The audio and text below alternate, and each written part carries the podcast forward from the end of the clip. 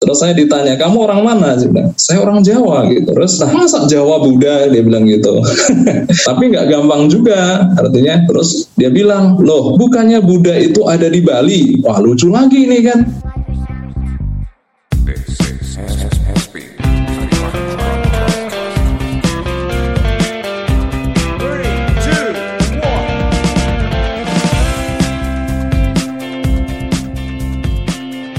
Buat teman-teman di sini, sebelum kita mulai kelasnya, uh, kami akan mematikan kamera dan suara teman-teman.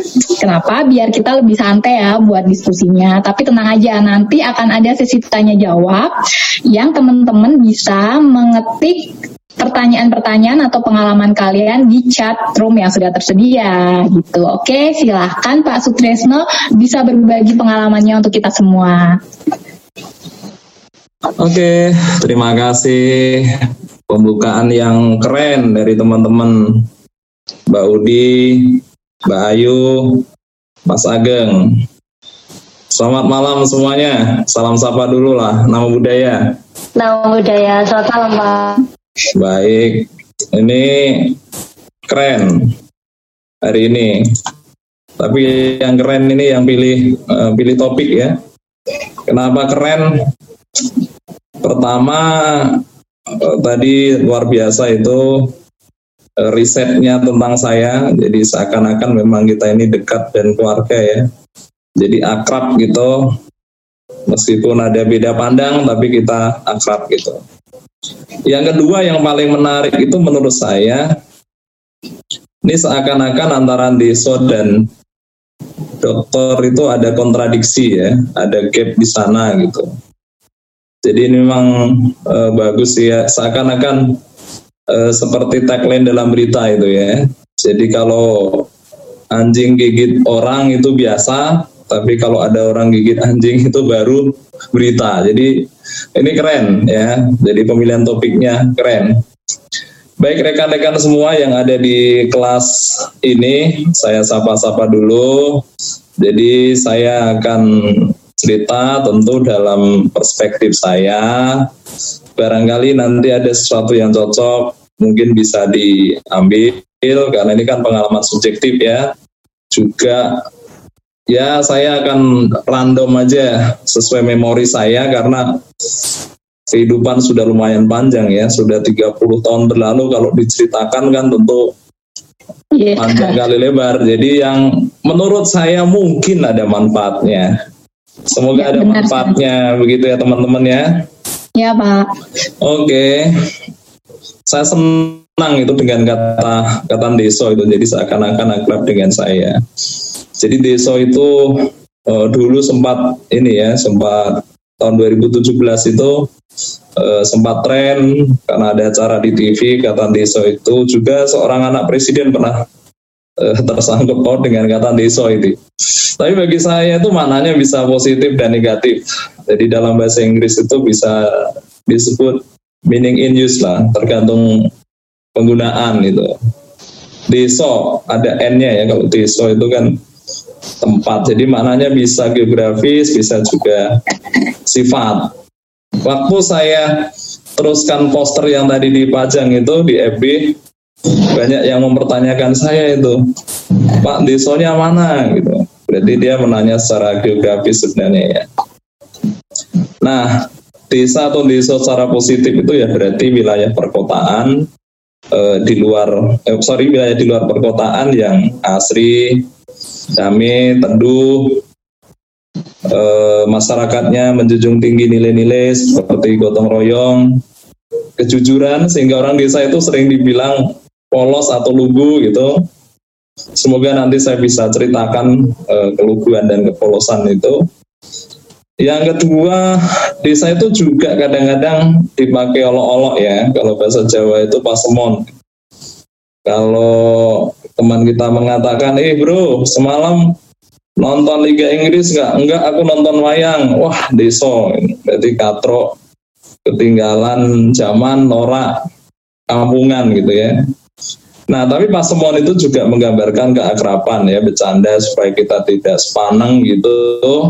Sehingga kalau di Jawa itu ada istilah pasemon dupak bujang. Kayak kita ini ya agak apa eksplisit itu jelas gitu ya deso. Jadi di Jawa itu apa aja dikatain untuk ngatain orang ya. Pohon asem gitu. Kambing wedus nah, itu bahkan ah, badan kita ya dipakai ngata-ngatain ya uh, mungkin pernah dengar ya sorry ini ndas ndasmu gitu ya. Cangkem cangkemmu gitu. Nah itu. Nah itu memang di level kita ya orang biasa. Kalau pejabat itu ada namanya pasemon apa namanya semantri.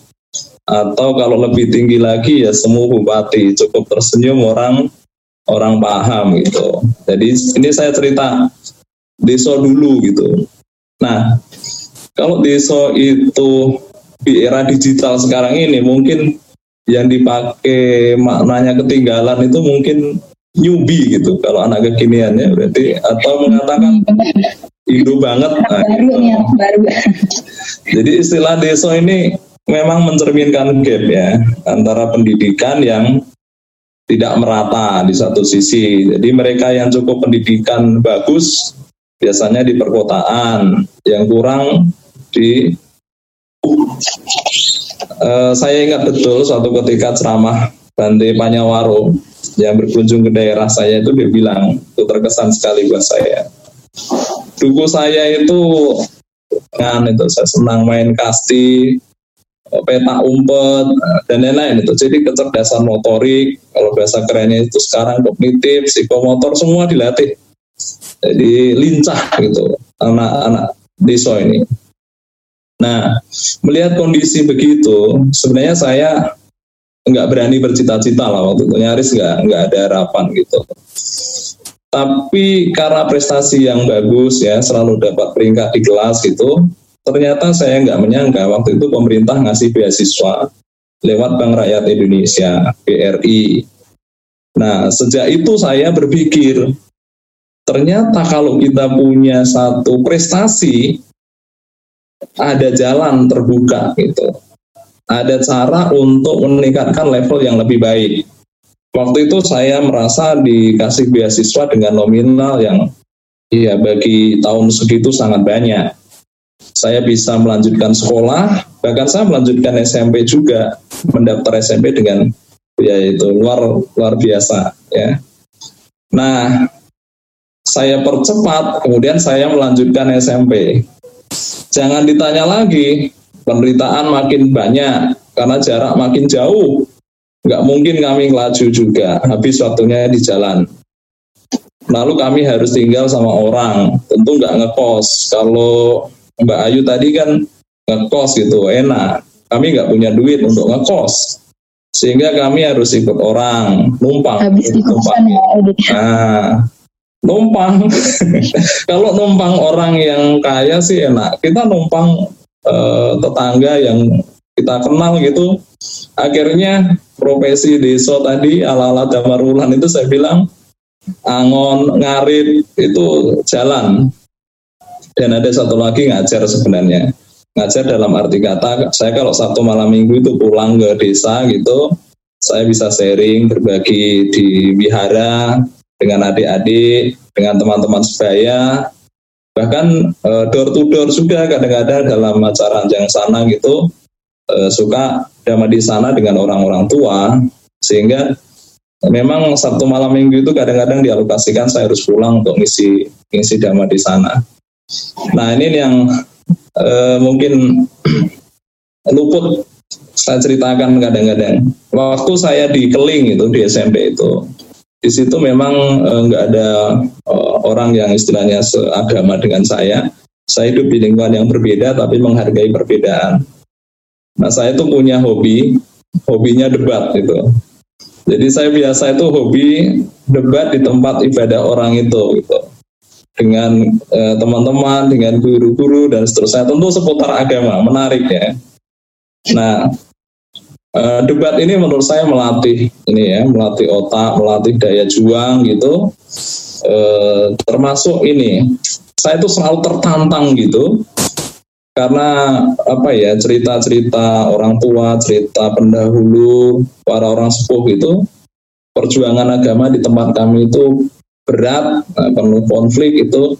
Sehingga memang apa terpacu untuk memajukan gitu. Ada semacam keinginan seperti itu sehingga memang jiwa muda waktu itu siapa pun gitu di debat gitu ya nah singkat cerita memang energi positif eh, karma baik lah begitu prestasi bagus akhirnya dilirik juga sama eh, kawan-kawan di Jakarta sehingga saya lulus SMP lanjut ke SMA Triatna di Jakarta.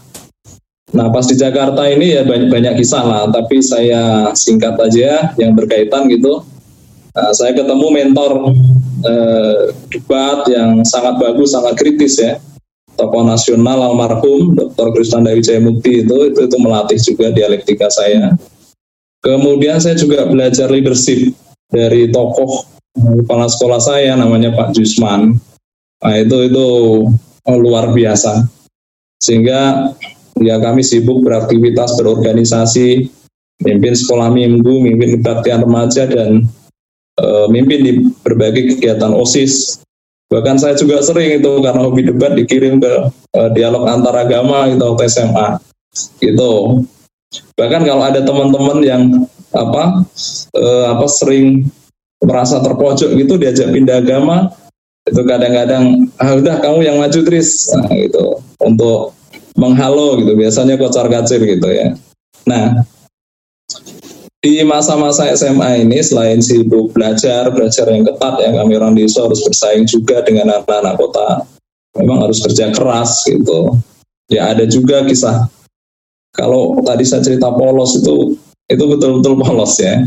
Saya tuh dari kamu dipesenin bapak saya gini, eh, kamu sebelum berhasil gitu, jangan pacaran dulu gitu. Sehingga saya memang uh, ini saya kui saya agak katro juga kalau di bidang apa itu hubungan dengan uh, perempuan wanita gitu ya. Jadi uh, pacaran gitu. Tapi bukan berarti uh, apa nggak nggak pernah uh, mengenal hal seperti itu gitu. Jadi ada pengalaman suatu ketika memang kayaknya ya menurut saya saya tuh kalau bicara seperti ini begitu mungkin orang mendengar itu kadang-kadang nggak tahu ada kenyamanan atau apa begitu. Nah, itu biasanya uh, adik-adik kelas itu senang seperti itu. Jadi suatu ketika saya nih sama teman-teman seangkatan gitu pulang gitu mampir ke WC saya tinggal di situ teman-teman saya berlari. Nah di depan kamar mandi itu banyak sekali apa wanita-wanita adik kelas saya teriak-teriak gitu ya, eh kasutris, kasutris gitu. Ini cerita ini sampai kampung saya juga. Saya nggak berani keluar dari situ, saya terkurung. Jadi habis itu habis saya dikata-katain teman-teman saya, ah, macam-macam pengecut, penakut, nah, itu itu. Jadi saya diam aja sampai sore di situ, saya nggak keluar, uh, ditungguin di depan toilet. Ini nih cerita. Jadi saya cerita apa bapak saya dengar ini di kampung ya terbahak-bahak ya gitu. Nah kalau di zaman saya itu untuk mengukur kita itu simpatik apa enggak di mata lawan jenis itu gampang. Kalau Valentine itu dihitung dari banyaknya coklat yang datang, terus banyaknya surat yang kita terima, Eh, banyaknya telepon. Nah, itu indikator yang konkret. Nah, jadi saya bisa cerita begini karena indikator-indikator itu terpenuhi gitu. Jadi jadi lumayan lah pada masa itu. Jadi nggak kering-kering juga hidup saya, tapi nggak semenarik orang lain gitu ya. Nah, ada pengalaman menarik ini barangkali mungkin di masa itu yang uh, mungkin teman-teman adik-adik yang lebih muda bisa apa ya bisa petik itu mudah-mudahan berguna ya. Ini juga sekaligus memahamkan saya kenapa kuantim itu tangannya seribu, bukan kakinya yang seribu begitu. Nah, suatu ketika di sekolah kami itu kan e, mengelola lantai gedung lantai lima zaman saya pada masa itu yang dimanfaatkan menjadi kebun produktif yang disebut lingkungan hidup gitu. Nah tahun 99 itu eranya era nggak kayak sekarang lah gitu ya. Era-era sensitif ya, orang gampang bakar gitu, apa-apa dibakar gitu. Pada masa itu. Nah udah kami kerja tuh membangun lantai lima menjadi lingkungan hidup. Kami bikin bedeng-bedeng dari bata-bata gitu yang ngerjain kami anak eh, sekolah muda-muda gitu Nah kemudian siang hari udah lelah gitu. Nah teman-teman kan biasa uh, bikin apa ya sesuatu yang seru gitu. Dia lempar apa itu uh, jauh-jauhan lempar pecahan bata, gitu. lempar, lempar, lempar, lempar gitu asik. Wih aku menang, aku menang gitu. Terus yang kalah kan uh, makin penasaran, makin penasaran. Bata yang kecil-kecil itu tadi habis, akhirnya bata yang sedang terlempar gitu, akhirnya bata yang gede juga terlempar. Ternyata ada yang lupa bahwa sekolah kami itu di tengah pemukiman. Bayangin tuh. Artinya apa? Waktu itu orang keluar dari apa itu balkon ya, warga itu teriak-teriak marah-marah gitu. Saya sudah menduga ini bakal kacau gitu ya. Tapi saya nggak ikut lempar nih catatannya ya. Terus habis itu satpam naik ke atas dan menemui kami dengan sangat pucat gitu. Waduh ini gimana nih sekolah kami dikepung gitu bahaya kalau sampai dibakar gitu nah bayangin kami anak-anak kecil begitu ya kecil lah saya bilang yang muda gitu wah pada takutnya gimana nih? Gimana? Kalau kita turun nanti kita dimasak kira-kira gitulah. Nah di tengah kepanikan begitu ada kawan saya namanya eh, ketua lingkungan hidup. Nah, kapan-kapan mungkin dia bisa cerita itu sebagai saksi. Nah, dia nyeletuk gini aja udah Tris kamu aja yang turun gitu. Waduh. Udah teman-teman yang lain juga gitu. Udah kamu aja yang turun gitu. Ya sudah dalam kondisi itu saya uh, sudahlah terpaksa ini kalau nggak turun juga memang cilaka gitu.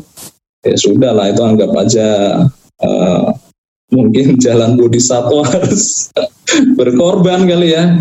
Udah saya turun ya sambil turun tangga uh, turun dari lantai 5 lantai 4 dan seterusnya itu di momen-momen itu saya harus uh, berdoa gitu baca doa gitu. Terus sambil nginget-nginget gitu ini ilmu apa yang dipakai ya? gitu ternyata ilmu desa saya kepake juga itu. Jadi kata orang desa itu kalau kamu ketemu ular pegang kepalanya jangan ekornya gitu. Udah. Oh saya ketemu ide dah. Saya turun saya melongok dari eh, apa itu pintu gerbang ya. Saya lihat orang udah kumpul di situ dengan muka-muka yang marah begitu. Lalu saya bilang gini aja deh Bapak Ibu, saya minta izin ketemu uh, ketua RT atau ketua RW-nya gitu, saya mau bicara gitu. Nah itu itu ilmu saya pakai, ya sudah saya bincang-bincang dengan ketua RW dan RT ngamuk juga, tapi ya minimal akhirnya dari perdata eh, dari pidana jadi perdata, kami diminta ganti rugi. Terus saya naik ke atas teman-teman, udah berharap cemas tuh gimana Tris? Sudah aman teriak ya huri itu nggak tahu yang turun ini setengah mati. Nah itu yang saya maksud kuantim itu seribu tangan bukan seribu kaki. Jadi teman-teman itu kalau ada masalah memang menurut saya harus dihadapi dengan ilmu dengan niat dan keberanian. Lebih mudah mengulurkan tangan. Kalau kaki seribu itu artinya kabur itu nggak ada solusi. Nah ini mungkin uh, sharing yang kelihatannya apa ya uh, santai gitu tapi kayaknya itu ilmu niat dan keberanian itu itu penting Oh ya menarik teman-teman. Tadi uh, sempat disinggung juga ya sama Pak Sutresno kalau uh, Pak Sutresno tuh memang dari kecil tuh berada di uh, lingkungan yang memang mengajarkan agama Buddha gitu ya. Jadi dan Pak Sutresno juga uh, menekuni pendidikan Buddhis gitu. Terus uh, kenapa masih bertahan Pak dengan pendidikan budi sampai sekarang Pak? Pertanyaan yang bagus dari Mbak Udi ya. Nah ini juga memang e, nanti menjawab kenapa kok saya sampai jenjang saya harus kuliah dan seterusnya ya. Jadi menurut saya itu memang keluarga, keluarga dalam arti saya ayah, ibu dan lingkungan itu punya punya andil ya di bidang pendidikan. Jadi orang tua saya ini tokoh, termasuk yang mendirikan agama di sana. Di kampung saya itu agama Buddha mayoritas, kalau sekarang sudah berkembang pesat, ya dulu juga nggak enak. E, sebagai petani tentu tidak kaya, tapi kalau untuk pendidikan dia e, all out lah. Kalau saya minta bayaran itu no comment gitu. Pokoknya hari ini ya, Bu besok bayar Pak, besok bayar. Pokoknya tahu-tahu ada begitu. Sehingga uh, orang tua juga memberikan nasihat-nasihat yang baik gitu. Karena saya anak laki-laki ya satu-satunya dari empat bersaudara sehingga saya juga semacam menjadi andalan untuk untuk meneruskan ini apa semangat misionaris bapak saya ini ya gitu. Jadi di tempat dari situlah kira-kira bapak saya mengatakan kamu harus selalu jadi yang terbaik pendidikan ini kunci supaya kita itu derajatnya naik sudah orang gunung di Indonesia ini minoritas gitu. Nggak ada jalan lain gitu. Kamu sekolahnya harus pinter. Nah mereka juga kasih nasihat. Biasanya di mana-mana ojo ojo gawe susah yang lian. Terus becek ke titik Allah toro gitu. Kemudian tokoh-tokoh juga mendukung ya. Terutama kepala dukung saya itu selalu kayaknya punya harapan lebih gitu. Apa pun yang saya minta didukung. Kamu harus jadi jujur disiplin kerja keras berani bekerja lebih dari orang lain gitu. Nah ini kepala dukungnya ini karena dekatnya dengan saya nah, suatu ketika kelak nanti anaknya jadi istri saya ini. Nah ya sudah akhirnya bakat saya yang tadi saya bilang lumayan itu punya bakat mendengar dan ingatan yang bagus itu ya dikembangkan aja dengan apa kalau orang Jawa bilang ya niteni, niroke, nambahi ya seputar seputar itu. Sehingga eh, memang ada keinginan begitu bahwa pendidikan ini adalah eh, pembebasan. Sehingga kalau ditanya ya saya punya role model. Role modelnya tentu adalah guru guru Buddha sendiri di zaman kecil itu saya menurut saya riwayat Siddhartha itu sangat apa ya menggugah uh, spirit anak muda seperti saya begitu. Seorang pangeran begitu. Kemudian um, membebaskan orang mengajar 45 tahun gitu. Nggak dibayar pula itu kadang-kadang yang menyemangati saya sampai sekarang. Jadi apa yang dicari gitu. Kalau orang Jawa itu kan selalu ngomong gini hidup itu mampir ngombe gitu. Artinya singkat banget gitu. Nah kalau Siddhartha yang seorang pangeran uh, yang begitu hebat uh, free melakukan pembelajaran ya saya minimal uh, ngikut-ngikut dikit lah gitu. Nah suatu kita juga saya baca itu Siddhartha itu apa ya tekadnya kuat banget. Ketika di bawah pohon bodi itu saya ingat itu kata-katanya biarkan apa ya darah ini mengering, tubuh ini tinggal tulang belulang, kira-kira begitu. Saya tidak akan beranjak dari tempat ini sebelum mencapai pencerahan. Saya pikir itu kadang-kadang kalau saya capek itu eh, apa ya ingat gitu itu menjadi penyemangat. Nah kalau eh, ibu saya itu eh, bilang ya hidup ini kamu harus geget, geget itu beda dengan gigit yang lain. Geget itu harus uh, tahan gitu. Jadi memang kalau di sekolah-sekolah uh, Buddhis, uh, Buddhis-Buddhis yang ada di kita ini memang kalau diharapkan sejahtera gitu masih masih belum. Banyak tawaran sih kadang-kadang ke tempat lain yang lebih sejahtera tapi ya yang geget aja. Mungkin karena semangat itu bahwa ada keinginan berbagi ada keinginan untuk ya ini menjadi sarana pembebasan ya meniadakan gelap guru gitu. Jadi agama Buddha ini kan realistis. Itu menularkan hal-hal yang menurut saya baik di agama Buddha.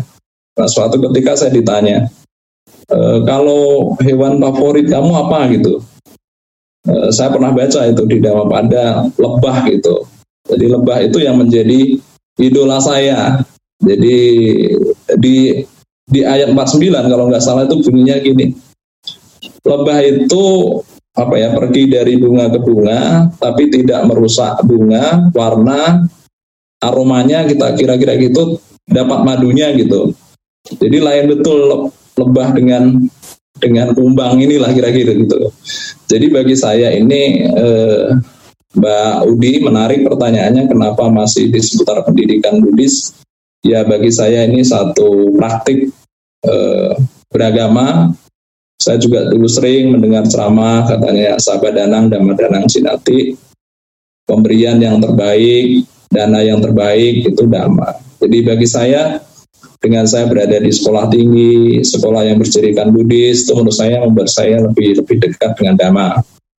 Kemudian saya juga setelah di Jakarta saya baca-baca buku, saya sangat terinspirasi dengan tokoh idola saya dari India itu namanya Dr. Ambekar. Dia ini bapak konstitusi India. Kalau di India itu kan ada kasta ya. Pak Dr. Ambekar ini kastanya kasta non kasta lah, dalit gitu, nggak nggak dianggap gitu. Lalu beliau ini dengan bantuan orang lain kemudian ya sudah menempuh pelajaran hukum sampai doktor ke Inggris. Nah, kira-kira begitu. Jadi pendidikan itu kemudian sepulang dari Inggris, India merdeka, bikin konstitusi, dicari siapa yang paling ahli. Ya tentu Dr. Ambekar. Nah, Ambekar punya kontribusi terhadap masyarakat. Bahkan yang menarik itu ya memang Dr. Ambekar ini kemudian yang eh, mengajak orang-orang Dalit ini tiap tahun 500 ribu, 500 ribu itu untuk pindah ke agama Buddha.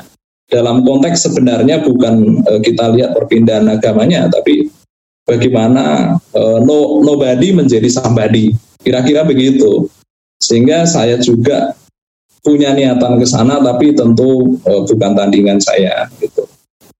Nah lalu sejak kuliah semester 4 itu saya sudah dipanggil oleh sekolah untuk membantu mengajar ya Nah, ya sudah terlatih dari desa tadi. Saya biasa e, berbagi sharing dhamma dan seterusnya. Akhirnya ya keterampilan mengajar itu e, terlatih. Menyenangi jadi hobi ngumpulin pahala. Kira-kira gitu jawabannya hmm. Mbak Udi ya jadi memang karena ada ajaran-ajaran kebajikan yang memotivasi Bapak juga untuk bisa dicanangkan di ilmu-ilmu lainnya ya Pak ya. Betul. Ya, oke. Okay. Kita nih kayaknya uh, bisa masuk ke sesi tanya jawab sama teman-teman ya Pak. Nih sebelum ini saya mau sapa. Oh ini ada Mas Ngasiran nih. Uh, aduh ini kayaknya temennya Pak Sutresno ya Mas Ngasiran ini ya.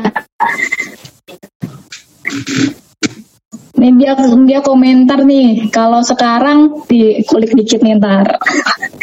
nih halo Mas Kasiran. Halo Mbak Odi. Apa-apaan ini dari guys. Halo Pak Grace dan teman-teman terima kasih. Halo kita gitu aja. Terima kasih Mas Ngasiran sudah ikut kelas ini. Ya, jadi uh, sebelum kita masuk ke sesi tanya jawab, jadi kelas ini itu juga disponsori eh sorry. Jadi kelas ini tuh juga disponsori oleh Mitra Karania ya. Jadi apa itu Mitra Karania? Mitra Karania adalah sebuah komunitas volunteer yang mempertemukan ladang berdana yang subur kepada para donatur. Dibuat sebagai pendukung penyebaran buku-buku keluaran penerbit Karania, Mitra Karania akan menyalurkan buku-buku Dharma kepada para anggota Syangha, para pandita, perpustakaan wihara, sekolah tinggi agama Buddha, perpustakaan pemerintah, uh, baik pusat maupun daerah. Dan dari Mitra Karania juga ada hadiah untuk teman-teman yang uh, sebuah buku ini dipersembahkan juga dari penerbit Karania. Nah hari hari ini teman-teman yang ikut diskusi semuanya bakalan dapat dua buku, dua buku. Buku yang pertama adalah Rahasia Bahagia karya Dangpo Rinpoche. Dia beliau adalah ini uh, Beliau adalah seorang guru besar agama Buddha dari Tibet. Ini bukunya. Lalu buku yang kedua adalah The Engaged Spiritual Life karya Donald Rothbard. Ya, ini bukunya. Bagaimana cara dapat dua buku ini? Caranya gampang. Teman-teman tinggal mengirimkan nama lengkap, alamat lengkap, dan nomor telepon ke nomor registrasi Budasin. Nomornya saya sebutkan ya. 0887 1662 332. Saya, saya ulangi lagi 0887 1662 332. Ya, nanti buku ini juga free ongkir untuk teman-teman. Jadi tidak perlu berpikir soal uh, berapa harga ongkos kirimnya. Dan jangan lupa kalau bukunya sudah sampai ke teman-teman, boleh diposting ke sosial media Instagram teman-teman dan tag at Budasin dan juga tag eh, uh, tag at penerbit Karania. Oke, terima kasih. Nah, ini sebelum kita masuk ke sesi tanya jawab dari teman-teman yang ada di sini, boleh ya teman-teman yang di sini untuk menuliskan pertanyaan atau pengalaman teman-teman seputar pendidikan Buddhis atau seputar uh, proses dari orang desa ke menjadi dokter ini. Boleh ditulis di chat. Sebelum kita bacakan pertanyaan teman-teman nih. Saya mau panggil Agung dan eh, Ageng dan Ayu. Apakah ada pertanyaan nih? Hadir, Mbak Udi. Ya, Ayu gimana yuk? Ada yang mau ditanyain nggak yuk? Ada Mbak. Boleh Kalau... dong. Kalau dari Ayu nih Pak, Pak Dokter, aduh nervous. Biasanya di masa-masa kuliah ya menuju 20 tahun itulah kayak kayak Ayu ini Pak pasti mengalami yang namanya nggak pede, ragu. Kalau bahasa zaman sekarang tuh insecure gitu Pak. Nah dari Bapak Sutrisno sendiri, adakah siasat untuk mengatasi yang nggak nggak sepenuhnya menghilangkan atau mungkin um, ya bisa mengatasi hal-hal yang Ayu maksud gitu Pak, yang Butawi maksud gitu. Entah itu dilihat dari sisi Buddhisme atau dilihat dari pribadi Bapak Sutrisno sendiri, gitu Pak. Iya. Langsung dijawab ini. Boleh Pak, langsung dijawab aja. Oke, makasih. Pertanyaan yang yang bagus ya. Memang semua semua orang sih saya kira ya ada masanya mengalami apa insecure seperti itu. Jadi eh, kadang kita yang kuliah juga kalau ujian juga ada perasaan insecure seperti itu ya.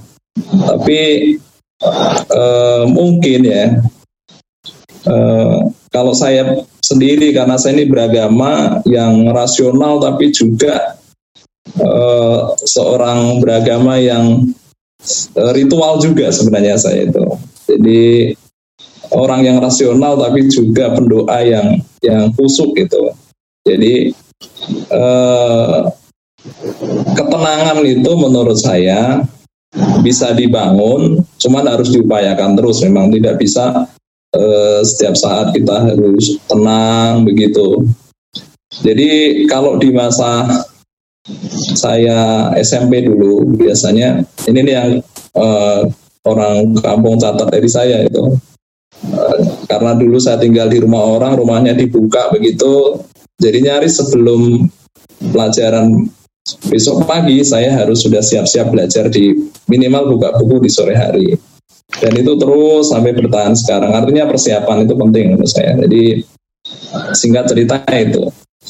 Kemudian e, sampai sekarang juga setiap melakukan aktivitas ke mana-mana ya, keluar rumah, pagi, e, sore itu selalu selalu sembahyang gitu. Dan biasanya kalau ada pohon bodi itu saya paling senang itu sembahyang di bawah pohon bodi gitu. Jadi yang rasional juga sembahyang. Tapi di di Buddhis itu menurut saya ada yang bagus ya, meditasi. Nah itu penting meditasi itu pengalaman saya ini pengalaman pribadi mungkin yang lain punya perbedaan ya jadi saya dulu kalau meditasi itu suka men-challenge diri saya sendiri untuk masih muda gitu seberapa kuat gitu. Kadang-kadang memang di tengah-tengah itu kadang-kadang kalau meditasi itu tantangannya ya semutan, pegel dan lain-lain begitu tapi kadang-kadang saya berpikir ah yang dilakukan Siddhartha itu yang saya lakukan ini nggak ada apa-apanya. Nah pada fase itu kadang-kadang nanti setelah itu ada memang sensasi kita e, lebih tenang gitu. Jadi itu menurut saya e, belajar yang cukup memahami segala kondisi karena ragu itu kadang-kadang e, karena tidak tahu ya. Tapi kalau kita tahu gitu sebenarnya misteri itu tidak ada. Sebenarnya itu kayak gelap itu kalau kita bisa melihat sebenarnya kan kita jadi nggak nggak insecure siang hari misalnya gitu. Jadi menurut saya ya kalau kita insecure-nya atas kehidupan ya banyak cari tahu, banyak membaca. Kalau itu aktivitas ya banyak-banyak ini aja e, melakukan perencanaan. Nah sisi lainnya ini yang yang yang baik adalah ya saya juga anak desa juga mengalami bandel-bandel juga kadang-kadang terbawa teman gitu. Tapi yang penting jangan melakukan uh, kejahatan yang serius. Itu membuat kita pasti lebih tenang ya. Tadi saya sebenarnya senang itu kalau yang cerita begini gitu konfirmasi ya uh, tadi yang Mbak Udi sebut misalnya ini tadi ada uh, VIP guest tadi uh, bisa cerita itu uh, mengkonfirmasi hidup saya gitu saya lebih senang ya ketimbang saya cerita sendiri gitu. Nah, jadi memang uh, kalau di kampung itu kita misalnya ada buah matang gitu kita makan itu tidak termasuk ini loh tidak kadang-kadang tidak dihitung sebagai pencurian serius gitu. Apalagi kalau perjalanan tadi sekolah mendaki gunung turun di lembah itu kan kadang-kadang ya ada lapar, ada haus gitu. Yeah. Lihat buah godaan juga dimakan yeah. ya iya. kadang-kadang tetangga cincai lah. Nah itu maksud saya supaya tenang Mbak Ayu ya jangan-jangan melakukan kejahatan yang serius gitu. Tapi mohon maaf, Bapak sendiri pernah galau nggak Pak? Galau. Galaunya tentang apa Pak biasanya kalau pernah? Galau itu ini waktu kuliah saya pernah galau. Kuliah S3 ini ini kuliah terpanjang saya. Saya saya saya tuh kan selalu merasa ini beruntung gitu kalau sekolah. Berapa itu. lama tuh Pak? Panjangnya berapa lama tuh Pak S3-nya? Kayaknya lima tahun lebih ya itu. Itu itu, itu sempat merasa galau saya setiap ketemu orang gitu selalu ditanyain kapan lulus? gitu. Kayak berasa ditanyain kapan kawin? gitu. Saya S1 itu empat tahun kurang. S2 tempat waktu gitu. Saya merasa ya ini sih enjoy lah sekolah gitu. Tapi begitu masuk S3 wah ini derita nih kayaknya di ujung perjalanan ini maju. Kena mundur kena gitu. Ya ada kesulitan di situ. Itu itu bikin bikin galau memang yang lain-lain sih ada kecil-kecil tapi bisa diatasi lah. Ya, berarti tetap tetap bisa di ini ya tetap bisa diselesaikan kegalauan-kegalauannya ya Pak ya. Bisa. Dan asal berani uh, jangan lari dari masalah aja. Ini Gutami memang harus belajar positive thinking dari Pak Sutris ya Mbak Udia. Iya dari semua hal juga bisa loh, nggak hanya Pak Sutrisno aja loh. tante, tante, Iya, iya nih, Ageng mau dong, tanya juga nih, boleh nih. Hmm. Jangan yang receh ya, Pak Sutris nih. Nih Ayu kan nih orang desa ya Pak Sutris ya. Terus yeah. daerahnya itu nggak ada di globe.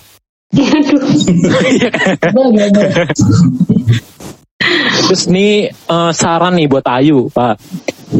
Kan orang kota nih misal lihat orang desa itu ilfil gitu. Terus nggak mau deket-deket. Terus jiji, gitu ya. ya? gitulah jijik gitu. terus gimana tuh Pak Sutris? Nanggepin kayak gitu. Biar biar sama orang kota juga bro broan gitu. Bro halo bro gitu ya Yeah, oh, gitu. Enggak, ini enggak juga sebenarnya. Sebenarnya orang kota itu seleranya desa juga kok. Iya. orang kota kan minumnya air pegunungan, dia nggak mau air perkotaan dia. ya. Sukanya juga menghirup udara pedesaan gitu. Dan Mas Agung mah orang kebumen. desa itu juga dibayangkan indah bagi yang orang jenuh di kota itu sebenarnya pengen ke desa. Kayak kami-kami ini juga kadang kadang-kadang merindukan desa gitu apalagi ini yang ketahan nggak mudik-mudik juga pengen ke desa gitu. Iya benar Pak. Yang penting gini sih, mungkin bukan penampilan ya Mas Agung ya, Mas Agung ya. Yang penting di mana pun itu energi positif itu kita pancarkan, selalu positif gitu. Kalau soal penampilan, eh, gaya bahasa itu sih lama-lama eh, bisa dipahami, kadang-kadang juga menjadi pemersatu gitu saya juga punya teman begitu yang uh, desanya itu kuat sekali, medoknya sangat ke bawah gitu. Tapi itu menjadi related kita dengan teman-teman gitu. Oh si dia yang medok gitu. Karena positif ya auranya. Jadi kita bergaul dengan orang itu positif. Kalau pesen dari kepala duku saya itu ya jaga integritas kira-kira gitu. Itu sih aman menurut saya sih kalau uh, kita apa positif itu bikin orang lain senang lah di mana-mana nyaman gitu. Gitu Mas Ya, Ageng. Terus jadi ini, Pak. menebar kebaikan ya dan eh, sebenarnya kan orang kan dinilai nggak nggak nggak berdas, nggak berdasarkan fisiknya aja ya dari prestasi dia dari pemikiran dia kayak kayak gitu tuh juga bisa menjadi nilai plus dia di tengah-tengah pergaulan yuk geng gitu ya. Hmm. Oke, terima kasih Ayu dan Ageng untuk pertanyaannya. Nah ini eh, kita ada banyak banget pertanyaan nih Pak dari teman-teman untuk Pak Sutrisno nih. Nih saya bacakan satu dulu ya. Dari Mbak Dian. Dari Mbak Dian, Mbak Dian bertanya, Pak Sutres passionnya apa sih? Kenapa memilih S3-nya politik tapi berkecimpungnya di dunia pendidikan? Nah ini saya juga kepo nih Pak. Ini kan Bapak kuliahnya serba politik semua ya. Terus tiba-tiba berkecimpung di dunia pendidikan jadi dosen gitu. Dan kalau nggak salah Bapak tuh dosennya do- eh, dosen pendidikan Pancasila gitu-gitu ya Pak ya? Ya, Ya boleh Pak dibagi dikit. oke. Pertanyaan yang bagus ya. Ini Dian, mungkin Dian yang saya kenal kali ya. Iya nih. Dia Nalanda ya nih. Ya mungkin yang saya kenal mungkin kan, saya nggak lihat face-nya ya. Jadi eh, kenapa saya tertarik pendidikan? Itu ya tadi pertama memang lingkungan itu.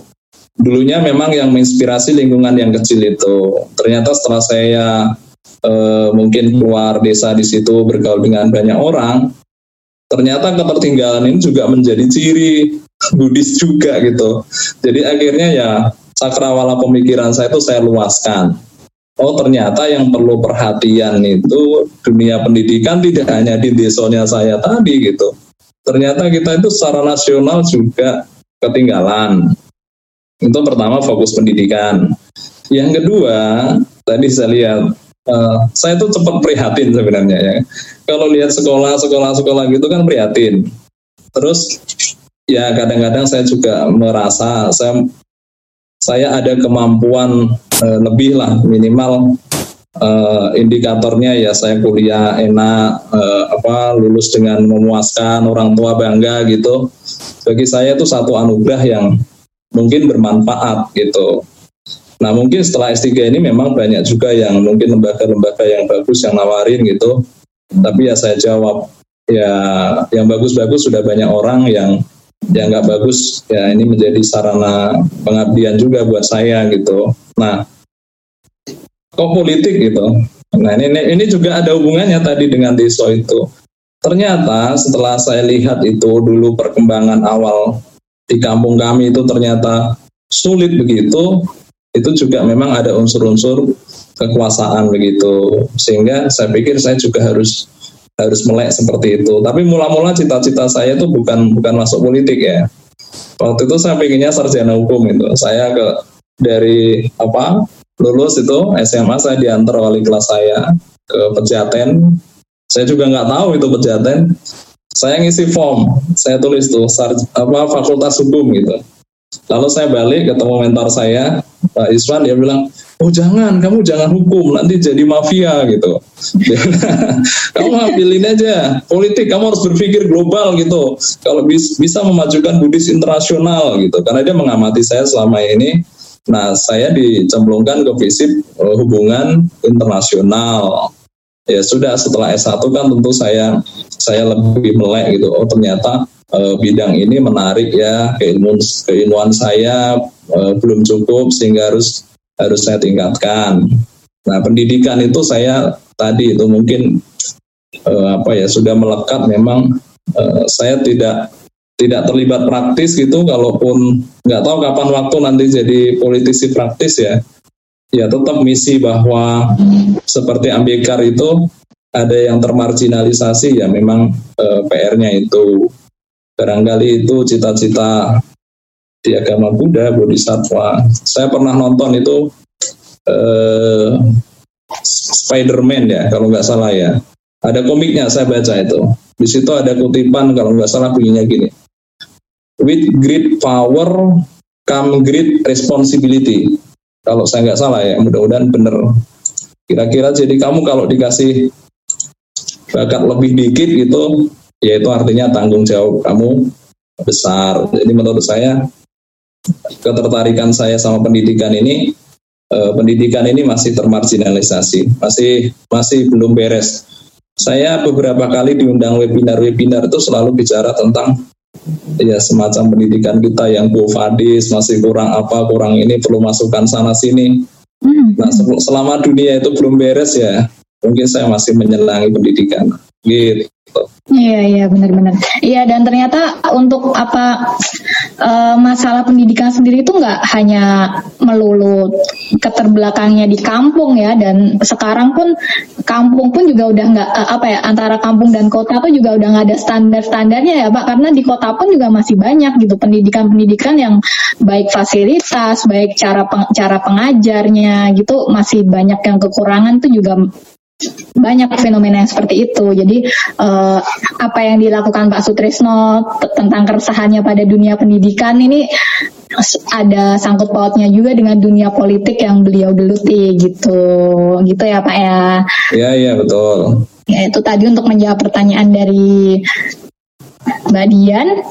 Uh, kemudian ini ada pertanyaan lagi nih. Pertanyaannya nih juga ada hubungannya dengan pertanyaan saya juga nih Pak ada nih tentang diskriminasi.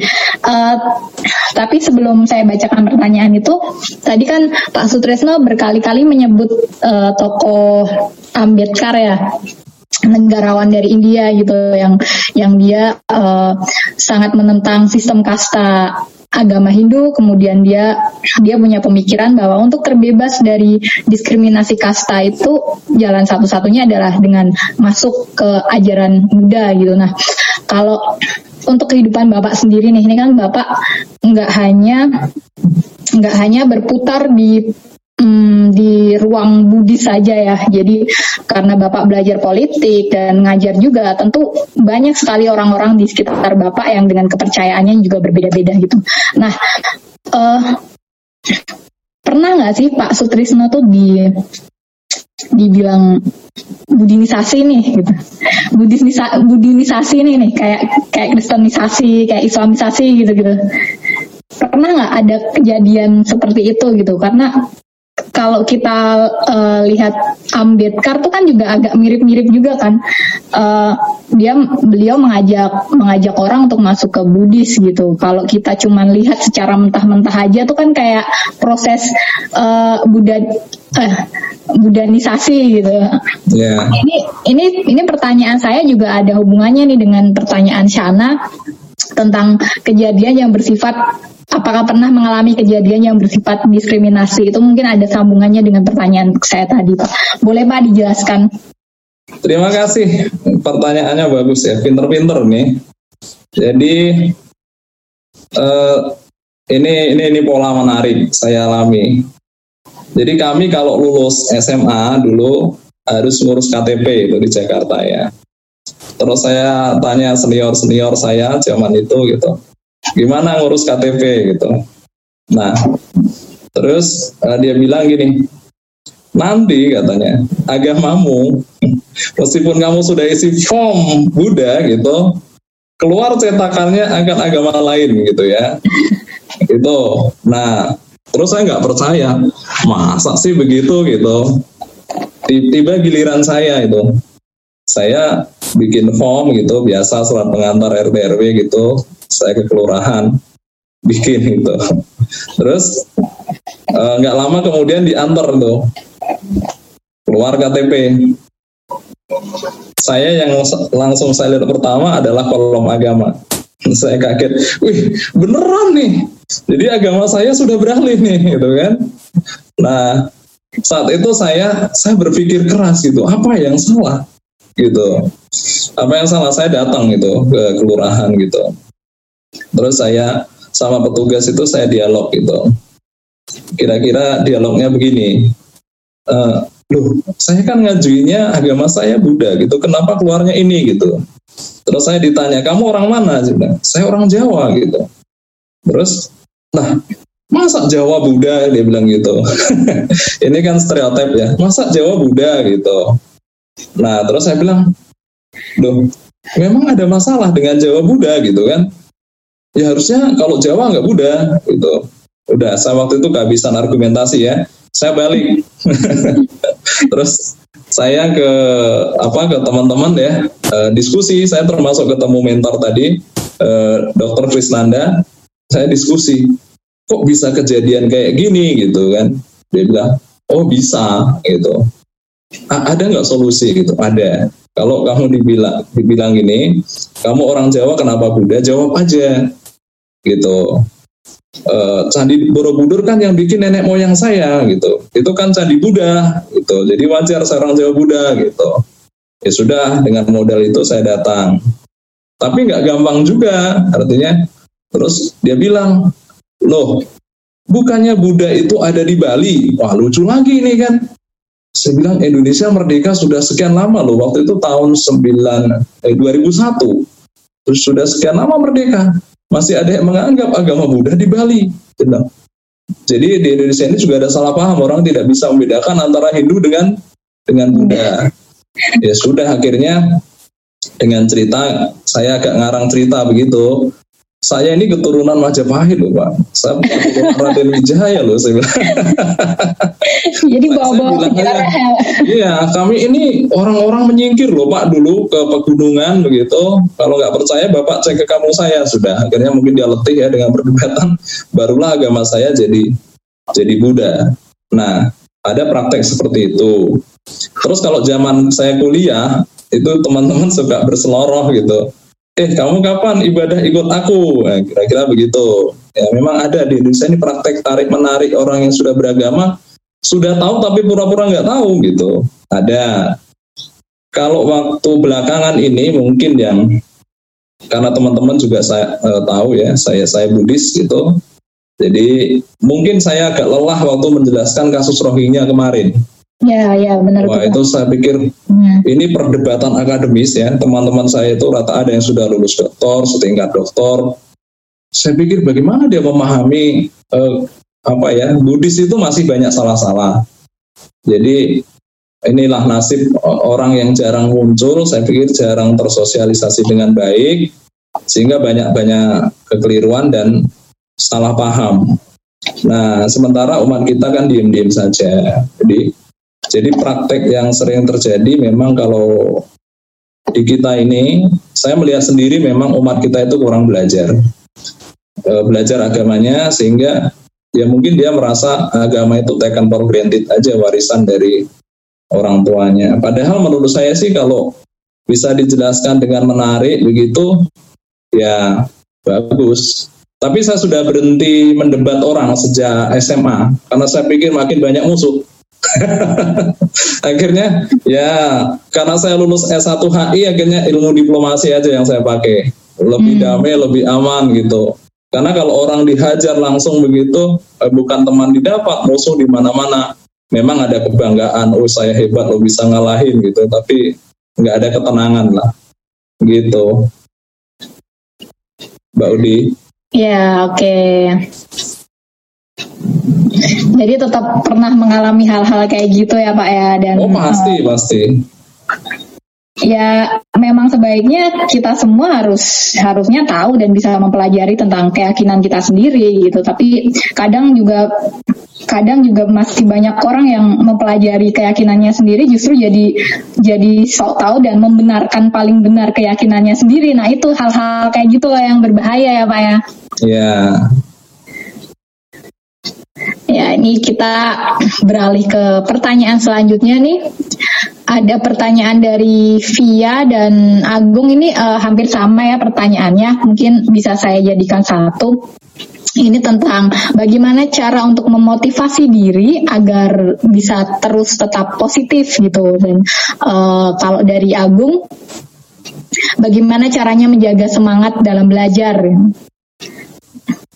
agar tetap semangat dan bisa bisa terus menjaganya. Ini jadi pertanyaannya sama ya Pak, gimana caranya untuk tetap menjaga agar kita terus bisa berpikir positif dan dan bisa membangkitkan uh, semangat belajar kita untuk tetap untuk tetap bisa uh, membara gitu. Ini boleh Pak dikasih ujangan-ujangannya nih. Oke. Makasih, makasih. Kalau kalau saya dulu ada beberapa cara ya biasanya gini, saya itu kan berhadapan dengan macam-macam guru ya. eh, Mbak Udi ya.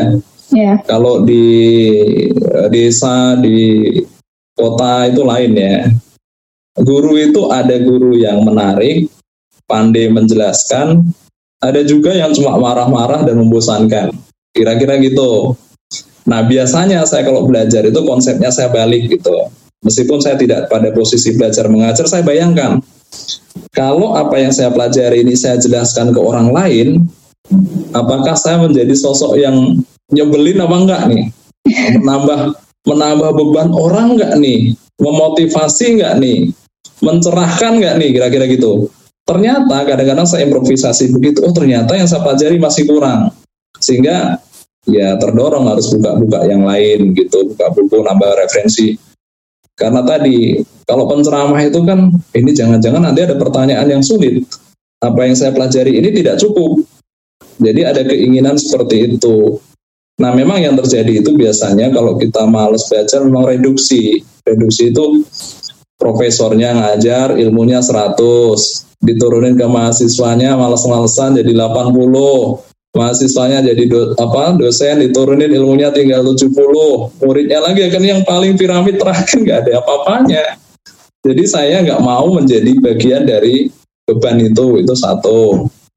Yang kedua, kadang-kadang juga memang ada timbul manusiawi lah ya, belum suci kan ada kilesa kemalasan juga. Nah kadang-kadang saya kalau males itu saya e, mencari kata-kata orang-orang besar atau saya baca biografi-biografi orang besar. Seperti misalnya Soekarno saya baca pernah di penjara dalam penjara satu kali satu meter saya pikir susah sekali hidup seperti itu. Gitu. Saya juga kadang-kadang memetik inspirasi dari motivator yang penting-penting ya nggak semua gitu. Ada motivator mengatakan kalau anda lunak kepada hidup anda hidup anda akan keras. Kalau anda keras hidup anda akan lunak gitu tapi paling sering memang saya kalau lagi gitu biasanya sih saya baca eh, kesukaan saya itu baca-baca eh, tokoh-tokoh di agama Buddha riwayat-riwayat gitu seperti Dalai Lama tokoh-tokoh yang lain. Kadang-kadang saya juga uh, mendengarkan apa supaya nggak kering jiwa saya. Saya juga kadang-kadang puter kaset Bante Panyawaro, Bante Utamo seperti itu. Jadi uh, mencari yang apa uh, mencas kita. Kalau itu masih nggak cukup, cari teman untuk uh, bercanda, cari teman untuk apa berbagi. Nah itu juga itu cara kadang-kadang. Kalau kita mandek gitu eh aku lagi males nih ngerjain uh, disertasi gitu biasanya teman itu akan royal kasih saran. Dan itu juga memotivasi. Kalau versi saya begitu Ya jadi sudah terjawab ya salah satunya itu uh, ada ada banyak cara sebenarnya sih dari yang saya tangkap dari Pak Sutrisno tadi termasuk melihat dengan kita melihat keadaan kita nih itu bisa memotivasi kita gitu untuk untuk melakukan hal yang lebih bagus lagi nih biar kita nggak gini-gini aja gitu kan ya Pak. Iya. Uh, dan termasuk uh, dengan cara-cara uh, memakai apa ya hal-hal yang kita sukai kayak tadi Pak Sutrisno mendengarkan mendengarkan uh, ceramah-ceramah dari guru-guru besar yang lainnya gitu tuh bisa memotivasi kita juga gitu. Oke, terima kasih Pak Sutrisno. Kita lanjut ke pertanyaan berikutnya. Ini ada pertanyaan uh, menarik banget nih Pak dari Mas Edi Priyono. Selamat malam Pak Dr. Sutrisno dan rekan semua. Selamat malam. Saya mohon izin bertanya, adakah trik khusus untuk mengajak orang deso supaya peduli dengan pendidikan dan termotivasi untuk memperbaiki pola pendidikan di daerah desonya tersebut supaya lebih maju dan baik lagi. Terima kasih Pak. Itu pertanyaannya. Oke, ini sahabat saya Pak Edi, pertanyaannya bagus sekali ya. Beliau ini calon dokter juga sebenarnya. Hmm. Jadi ya ke depan akan banyak dokter. Mudah-mudahan ini ya mungkin energi positif tadi. Memang ngajak orang desa itu gampang-gampang susah. Tapi seperti kata orang apa, seperti kata Sang Buddha sendiri, harus ada pembuktian, pasiko gitu saya cerita mundur ke desa saya itu memang dulu itu ada mitos. perempuan itu pasti gagal kalau mau melanjutkan ke pendidikan yang tinggi. SMP itu udah deh, orang udah tungguin aja. Ini kapan kapan tumbang, kapan tumbang, itu tumbang gitu. Jadi di atas saya itu cuma satu orang yang berhasil pendidikan SMA waktu zaman saya. Sehingga saya juga memang ada dendam positif lah kira-kira gitu. Ini harus break rule nih, harus dipatahkan. Nah, itu memberi contoh. Tapi ternyata contoh saya itu juga tidak cukup. Ternyata banyak juga orang yang nggak suka nggak suka pendidikan ya. Dianggap pendidikan ini eh, apa ya? Mungkin sulit, buang-buang energi, buang-buang biaya juga. Apalagi kalau di daerah kan ekonomi rata-rata nggak eh, masih ya orang desa ini rata-rata nggak semuanya kaya lah ya, banyak yang yang susah gitu. Kemudian ya harus dengan bukti gitu. Ternyata saya pendidikan saya sampai sarjana gitu. Orang uh wah ya bisa sarjana gitu. Apalagi sampai master wah hebat sampai master gitu. Uh, apalagi pecah telur gitu. Orang pucuk gunung bisa doktor gitu. Wah gitu. Tapi wahnya itu kalau tidak ada kontribusinya langsung ke dia gitu dalam hidup dia nggak bisa misalnya gini kira-kira orang yang ber, berpendidikan itu bisa kaya nggak gitu Nah, karena masyarakat sekarang kita kan pikirannya pendek-pendek begitu. Nah, saya baca itu waktu itu sehingga saya harus berat juga nih. Pernah juga ada yang ngomong ke saya gini, ah ngapain pendidikan tinggi-tinggi, kuli juga bisa kaya, no contohnya si dia gitu. Wah, menampar muka juga itu bagi saya. Iya juga ya. Kalau orang yang kuliahnya tinggi ini tidak bisa membuktikan ada relevansinya, meskipun itu bukan kesukaan kami, karena kami ini dulunya aktivis, Mbak. Kalau ini banyak kan kaipang itu nggak mikirin yang itu-gitu kan. Nah, terus mikir gitu, mikir gimana ini harus pembuktian gitu. Nah, suatu ketika mungkin hidup terbuka itu jalan jalan membaik lah, itu pendapatan membaik dan seterusnya. Ya, saya bisa tunjukkan. Ternyata misalnya memang sengaja betul waktu itu kontroversial ya. Jadi Waktu itu saya berhasil beli kendaraan gitu roda empat itu. Pertama saya beli saya pajang di depan wihara itu. Saya pajang gitu. Jadi bahan omongan orang gitu. Malah e, lucu itu rumah saya itu dengan wihara itu apa berdampingan itu. Itu memang pagar ke wihara itu dijebol gitu. Jadi kendaraan saya itu separuh di rumah, separuh di wihara. Jadi sengaja maksudnya itu saya sih sebenarnya ya sudah hidup saya biasa berkelana, saya dulu juga sering jalan, ini nggak masalah bagi saya. Itu membuka wacana gitu. Oh ternyata bisa juga ya gitu. Dan sekarang syukur adik-adik di bawah saya itu ya secara ekonomi bagus-bagus. Jadi saya nggak ada PR untuk mikirin yang gitu lagi kan. Nah artinya memang pembuktian ini ini penting bahwa pendidikan itu mampu change merubah sesuatu karena pas waktu itu memang tantangan saya berat. Di kampung waktu itu ekonomi lagi bagus-bagusnya, e, pertanian lagi bagus, sehingga banyak juga memang ekonominya naik gara-gara pertanian. Sehingga orang merasa ngapain harus pendidikan tinggi-tinggi, merantau susah jauh orang tua gitu. Nah itu harus di harus didobrak. Nah caranya mungkin versi saya begitu, versi orang lain bisa beda-beda, tapi yang penting pembuktian Nah, ketika ada pembuktian itu biasanya menjadi efek domino, udah berut gitu. Nah, di bawah saya itu kalau sekarang cara statistik itu bisa dibuktikan lah daerah saya itu sarjana paling menjamur di situ. Mungkin pembuktiannya begitu di tempat saya, tempat lain mungkin beda. Tapi yang penting harus ada evidence pembuktian gitu. Begitu jawaban saya Bu Udi. Eh, terima kasih Pak. Jadi uh, sebenarnya nggak tidak hanya untuk mem memotivasi secara ekonomi aja ya Pak, tapi bisa aja uh, orang dari kampung itu belajar tinggi-tinggi, dapat ilmu yang lebih uh, lebih luas gitu. Ketika mereka kembali lagi ke desanya itu juga bisa menyelamatkan desa tersebut dari jajahan investor kayak gitu. Bisa juga kan Pak motivasi Setuju. seperti itu. Bagus bagus. Saya punya kawan di Nusa Tenggara itu, jadi yeah. penggerak itu juga change. Yang penting ada kontribusinya lah gitu. Iya benar. Membuat benar. membuat kepercayaan orang lebih lebih naik lah. Mm-hmm. Ya. Tapi tadi sempat ini uh, dari yang dipaparkan Pak Sutresno tadi ada ada fenomena yang menarik juga nih kenapa kenapa perempuan itu sangat uh, apa ya sangat jadi diskriminasi sendiri gitu untuk pendidikan ya gitu. Uh, waktu waktu Pak Sutrisno dulu mulai untuk untuk move nih dari dari kampung dan bisa sukses ke kota nih uh, apakah juga ada gitu dari dari kaum kaum perempuan yang yang sama perjuangannya dengan Pak Sutrisno gitu dan uh, kalau misalkan nggak ada kenapa hal-hal seperti itu bisa terjadi gitu boleh Pak disinggung sedikit. Oke, makasih. Ya memang ada juga perempuan yang yang berhasil ya eh, sampai pendidikan tinggi lah ukurannya begitu kira-kira.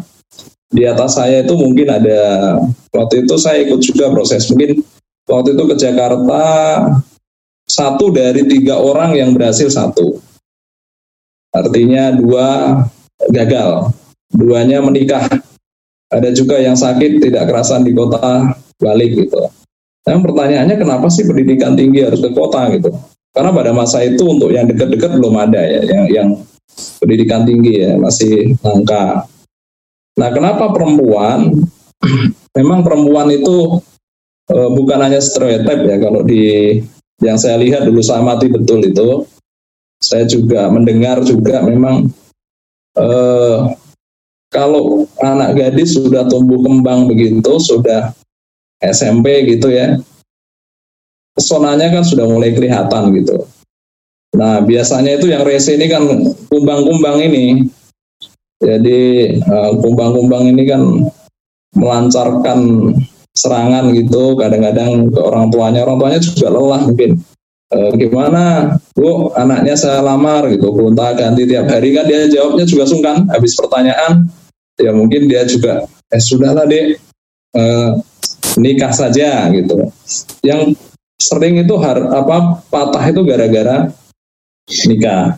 Tapi di bawah saya oh banyak wanita-wanita yang kemudian eh, berhasil ya.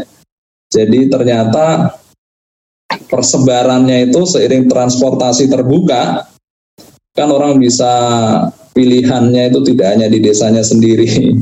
Akhirnya kan dia bisa nyari pasangan dari desa lain sehingga orang mulai berpikir oh anak SMP itu masih kecil belum waktunya berumah tangga gitu. Dan itu kesadaran itu harus ditularkan ya. Termasuk saya juga kadang-kadang suka nyindir gitu masa SD dikawinin gitu. Itu kan anak beranak namanya. Gitu.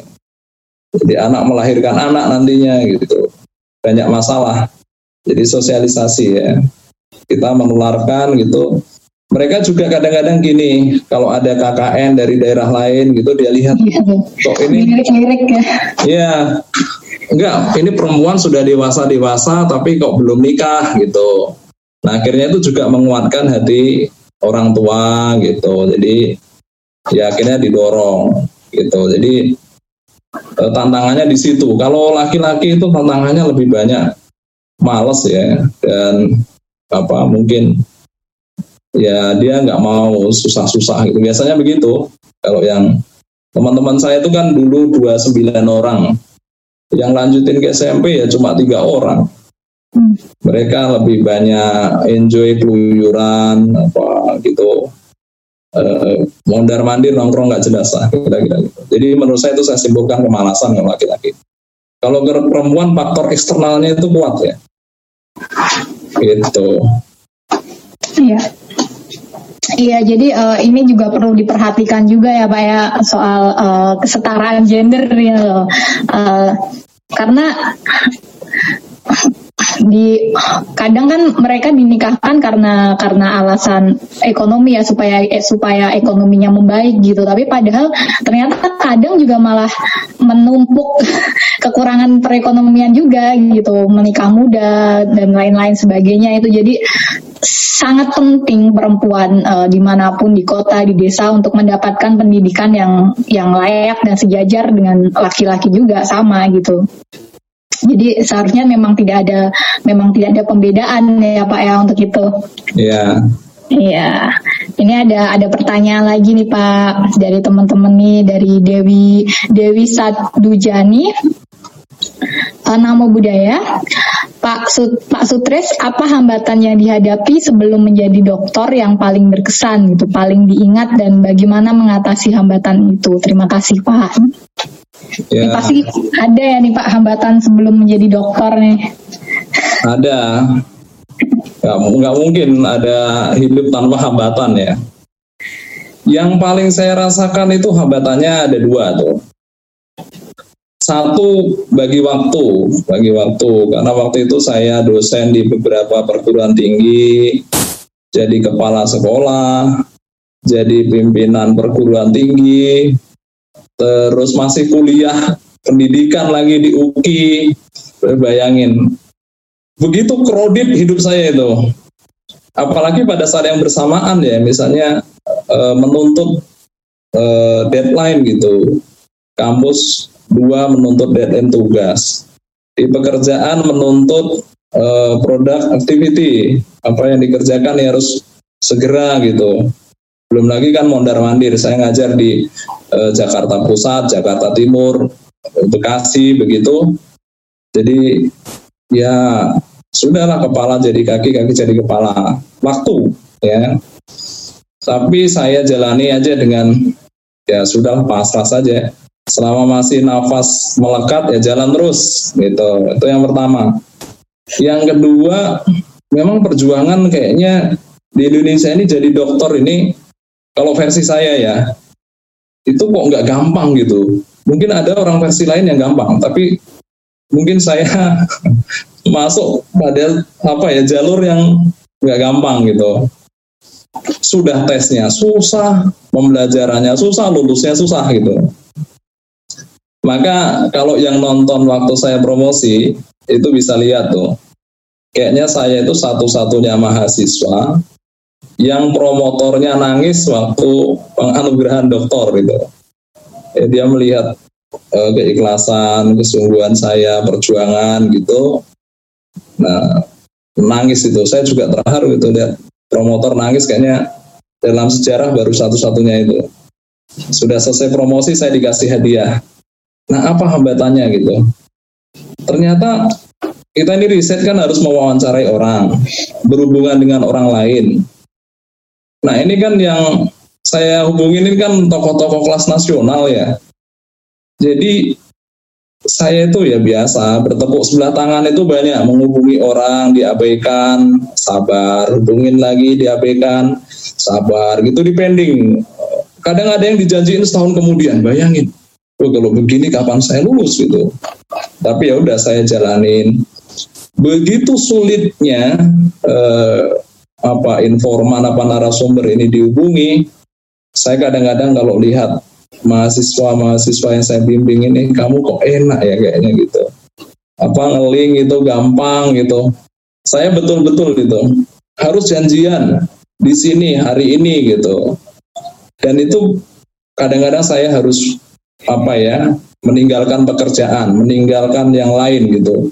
Pokoknya begitu ia di bandara ke bandara begitu ia di kafe ke kafe begitu ia di rumah di rumah Nah kadang-kadang kita juga di kesasar menelusuri ini rumahnya di mana gitu. Dan ya berhadapan dengan narasumber itu macam-macam, ada yang simpatik, ada yang jutek, kayak gitu. Jadi proses apa ya ini namanya ya di PHP ini ya itu itu enggak enak ternyata. Saya mengalami itu. Tapi akhirnya ya dengan kembali ke usaha, rajin-rajin berdoa, rajin berpikiran positif, ya sudahlah masa-masa itu dilewati, ya ya hasilnya ini gitu. Gitu, Mbak Udi. Oke, nah terjawab ya dari pertanyaan tadi. Nih uh, kita ngomongin pendidikan yang tinggi tinggi tinggi sekali ini dokter ini kan tinggi banget nih Pak Nih tapi uh, banyak juga fenomena yang kayak gini deh Pak. Lulusan-lulusan doktor tinggi-tinggi gitu, yang lulusan universitas tinggi-tinggi gitu, mereka lulus hanya setelah itu mereka hanya hanya melanjutkan sejarah gitu. Misalkan uh, misalkan tetap tetap menjadi budak korporat gitu misalkan kayak kayak gitu gitu. Tapi uh, justru ada juga orang-orang yang do kayak kayak gitu yang tidak yang tidak melanjutkan pendidikannya. Mereka justru menjadi menjadi pemikir gitu mereka uh, pemikiran mereka dan gagasan mereka digunakan gitu banyak uh, ada beberapa contohnya misalkan kayak kayak uh, sastrawan-sastrawan gitu misalnya kan mereka kan tidak banyak sastrawan yang tidak mengenyam pendidikan tinggi-tinggi tapi pemikiran mereka uh, terpakai gitu.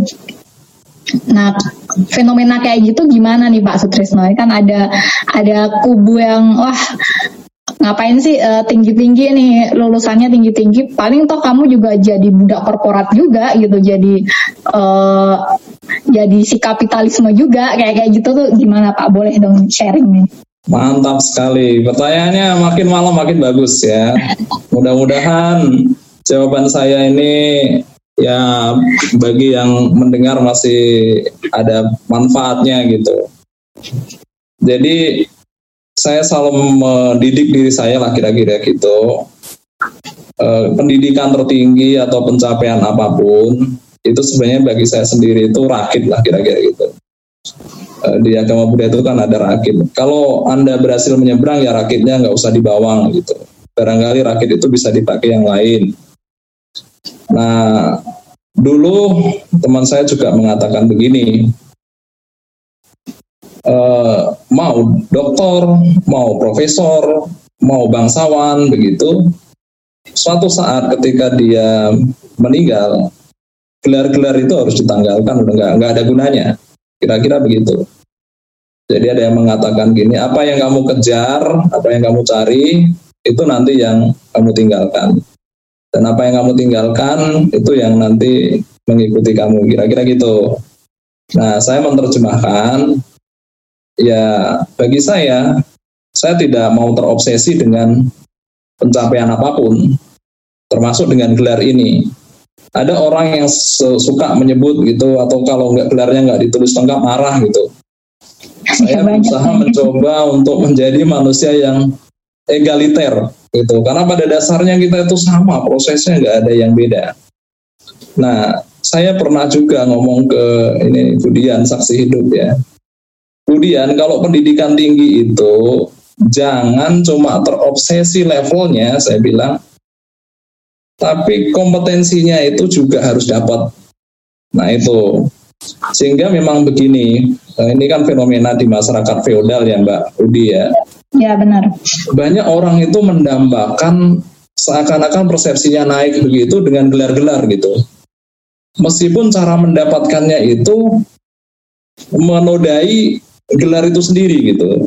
Saya suka ngingetin mahasiswa saya, eh kamu kalau nyontek atau bersikap curang gitu, setiap tanda tangan itu adalah dosa kamu gitu. Nanti kalau kamu jadi orang, saya bilang gitu. Nah, nah jadi banyak orang kemudian dokter juga mungkin banyak yang di Indonesia ini kan ijazah palsu masih laku nih.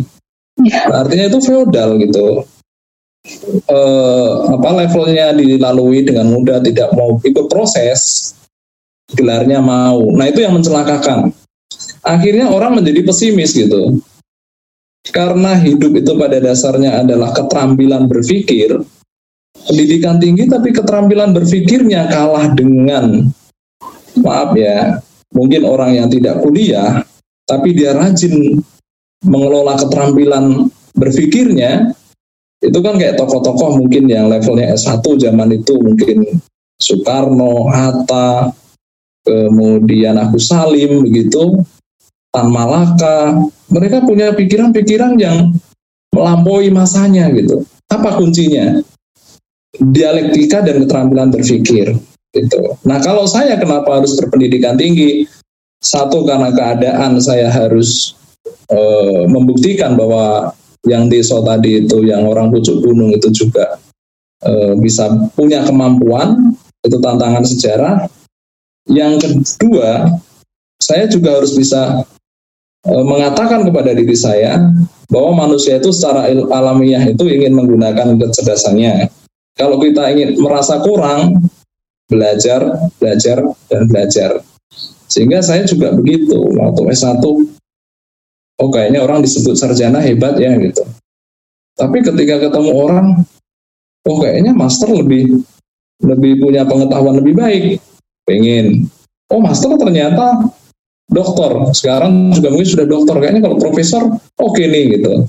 Jadi ada keinginan uh, untuk belajar memperbaiki diri lebih baik. Jadi bagi saya uh, bukan problem gelarnya gitu. Maka kalau uh, Mbak Udi mungkin sering lihat Facebook saya atau yang lain gitu, ya saya biasa bergaul dengan ya mungkin orang kalau nggak tahu saya ya dianggapnya saya ini uh, apa ya kayak bocah biasa saja gitu. Jadi saya juga orang teman-teman saya waktu dosen itu kan sering bertemu asosiasi gitu. Eh, nggak uh, pernah tahu saya itu pendidikan doktor gitu. Setelah saya doktor diumumkan secara luas begitu mereka mengatakan gini loh kamu doktor? Sudah saya duga pasti. Karena lain gitu memberikan argumentasinya beda uh, apa penyampaiannya beda gitu. Nah dari situ saya merasa tidak perlulah kita itu mungkin hal-hal yang formalistik begitu tapi betul orang barat publish all Paris apa yang harus dihasilkan. Ini juga challenge buat saya Mbak Udi. Sebelum saya menghasilkan banyak karya yang bermanfaat buat masyarakat ya saya masih merasa nobody lah gitu Oke, mantep banget. Jadi uh, kita tidak harus mem, uh, memperdebatkan gelar-gelar itu ya. Yang yang terpenting adalah bagaimana kita bisa mengeluarkan gagasan kita, pemikiran kita, ide-ide kita untuk mengubah sesuatu dari yang yang sebelumnya uh, tidak baik menjadi suatu hal yang baik dan bisa dibagikan untuk yang lainnya ya Pak ya. Itu intinya yang oh, terpenting mau mau urusan iya bermanfaat nih. Oke, yeah. terima kasih Pak Sutrisno. Sebenarnya Mas pengen panjang sih ngobrolnya, tapi kita termakan waktu ya, termakan waktu ini.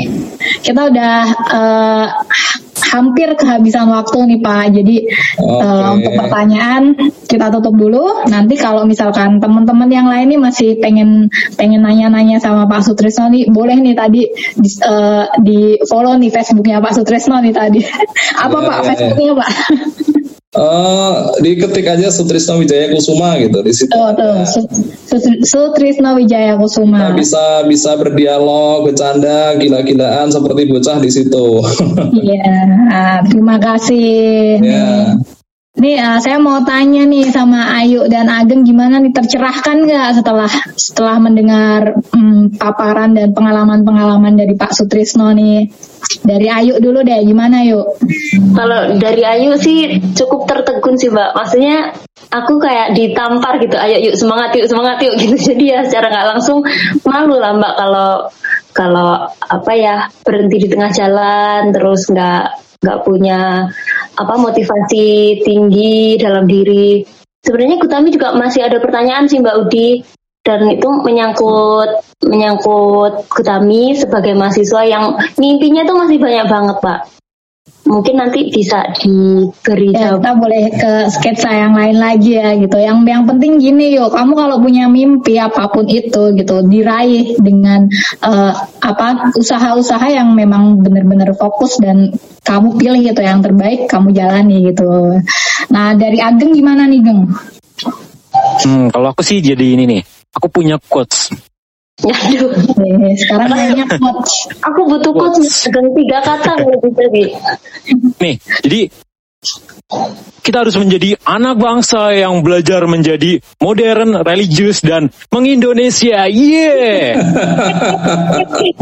itu kuatnya siapa itu? Kuatnya? Saya terkejut dapat dari mana itu? Ya, di ya. Facebook jelas banget pak. Itu itu inilah apa hiburan saya kalau lagi saya terdiam gitu. Mantap mantap mantap. Iya terima kasih Pak Ageng ya Ya nih uh, kita kembali lagi ke Pak Sutrisno nih, uh, boleh dong Pak motivasi kayak satu kalimat atau satu kalimat aja motivasi untuk teman-teman yang lain yang baik mereka sedang berjuang di dunia pendidikan, politik dan lain sebagainya itu boleh dong motivasinya untuk teman-teman.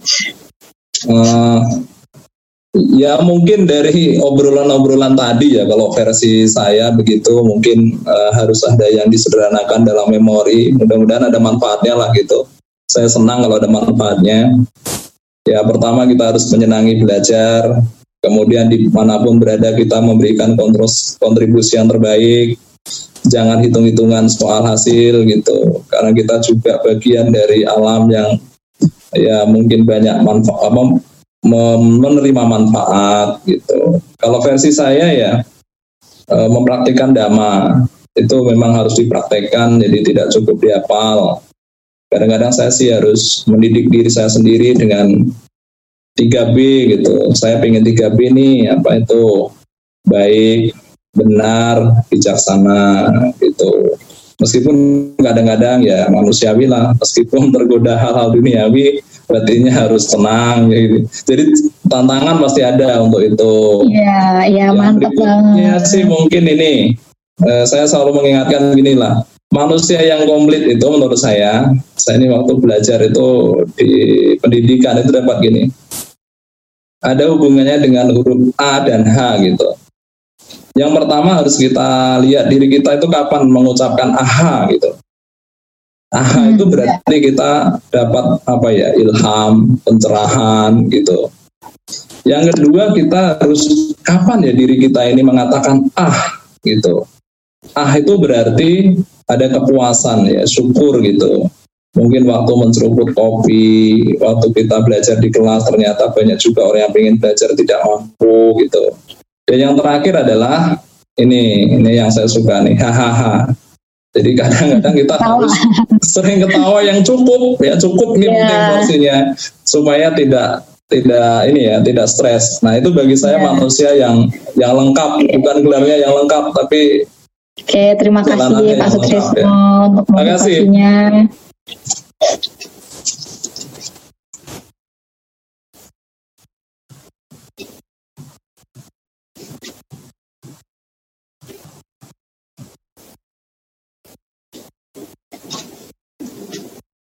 Ya.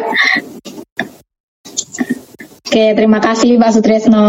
Oke, terima kasih juga untuk Uh, terima kasih motivasinya tadi ya untuk teman-teman.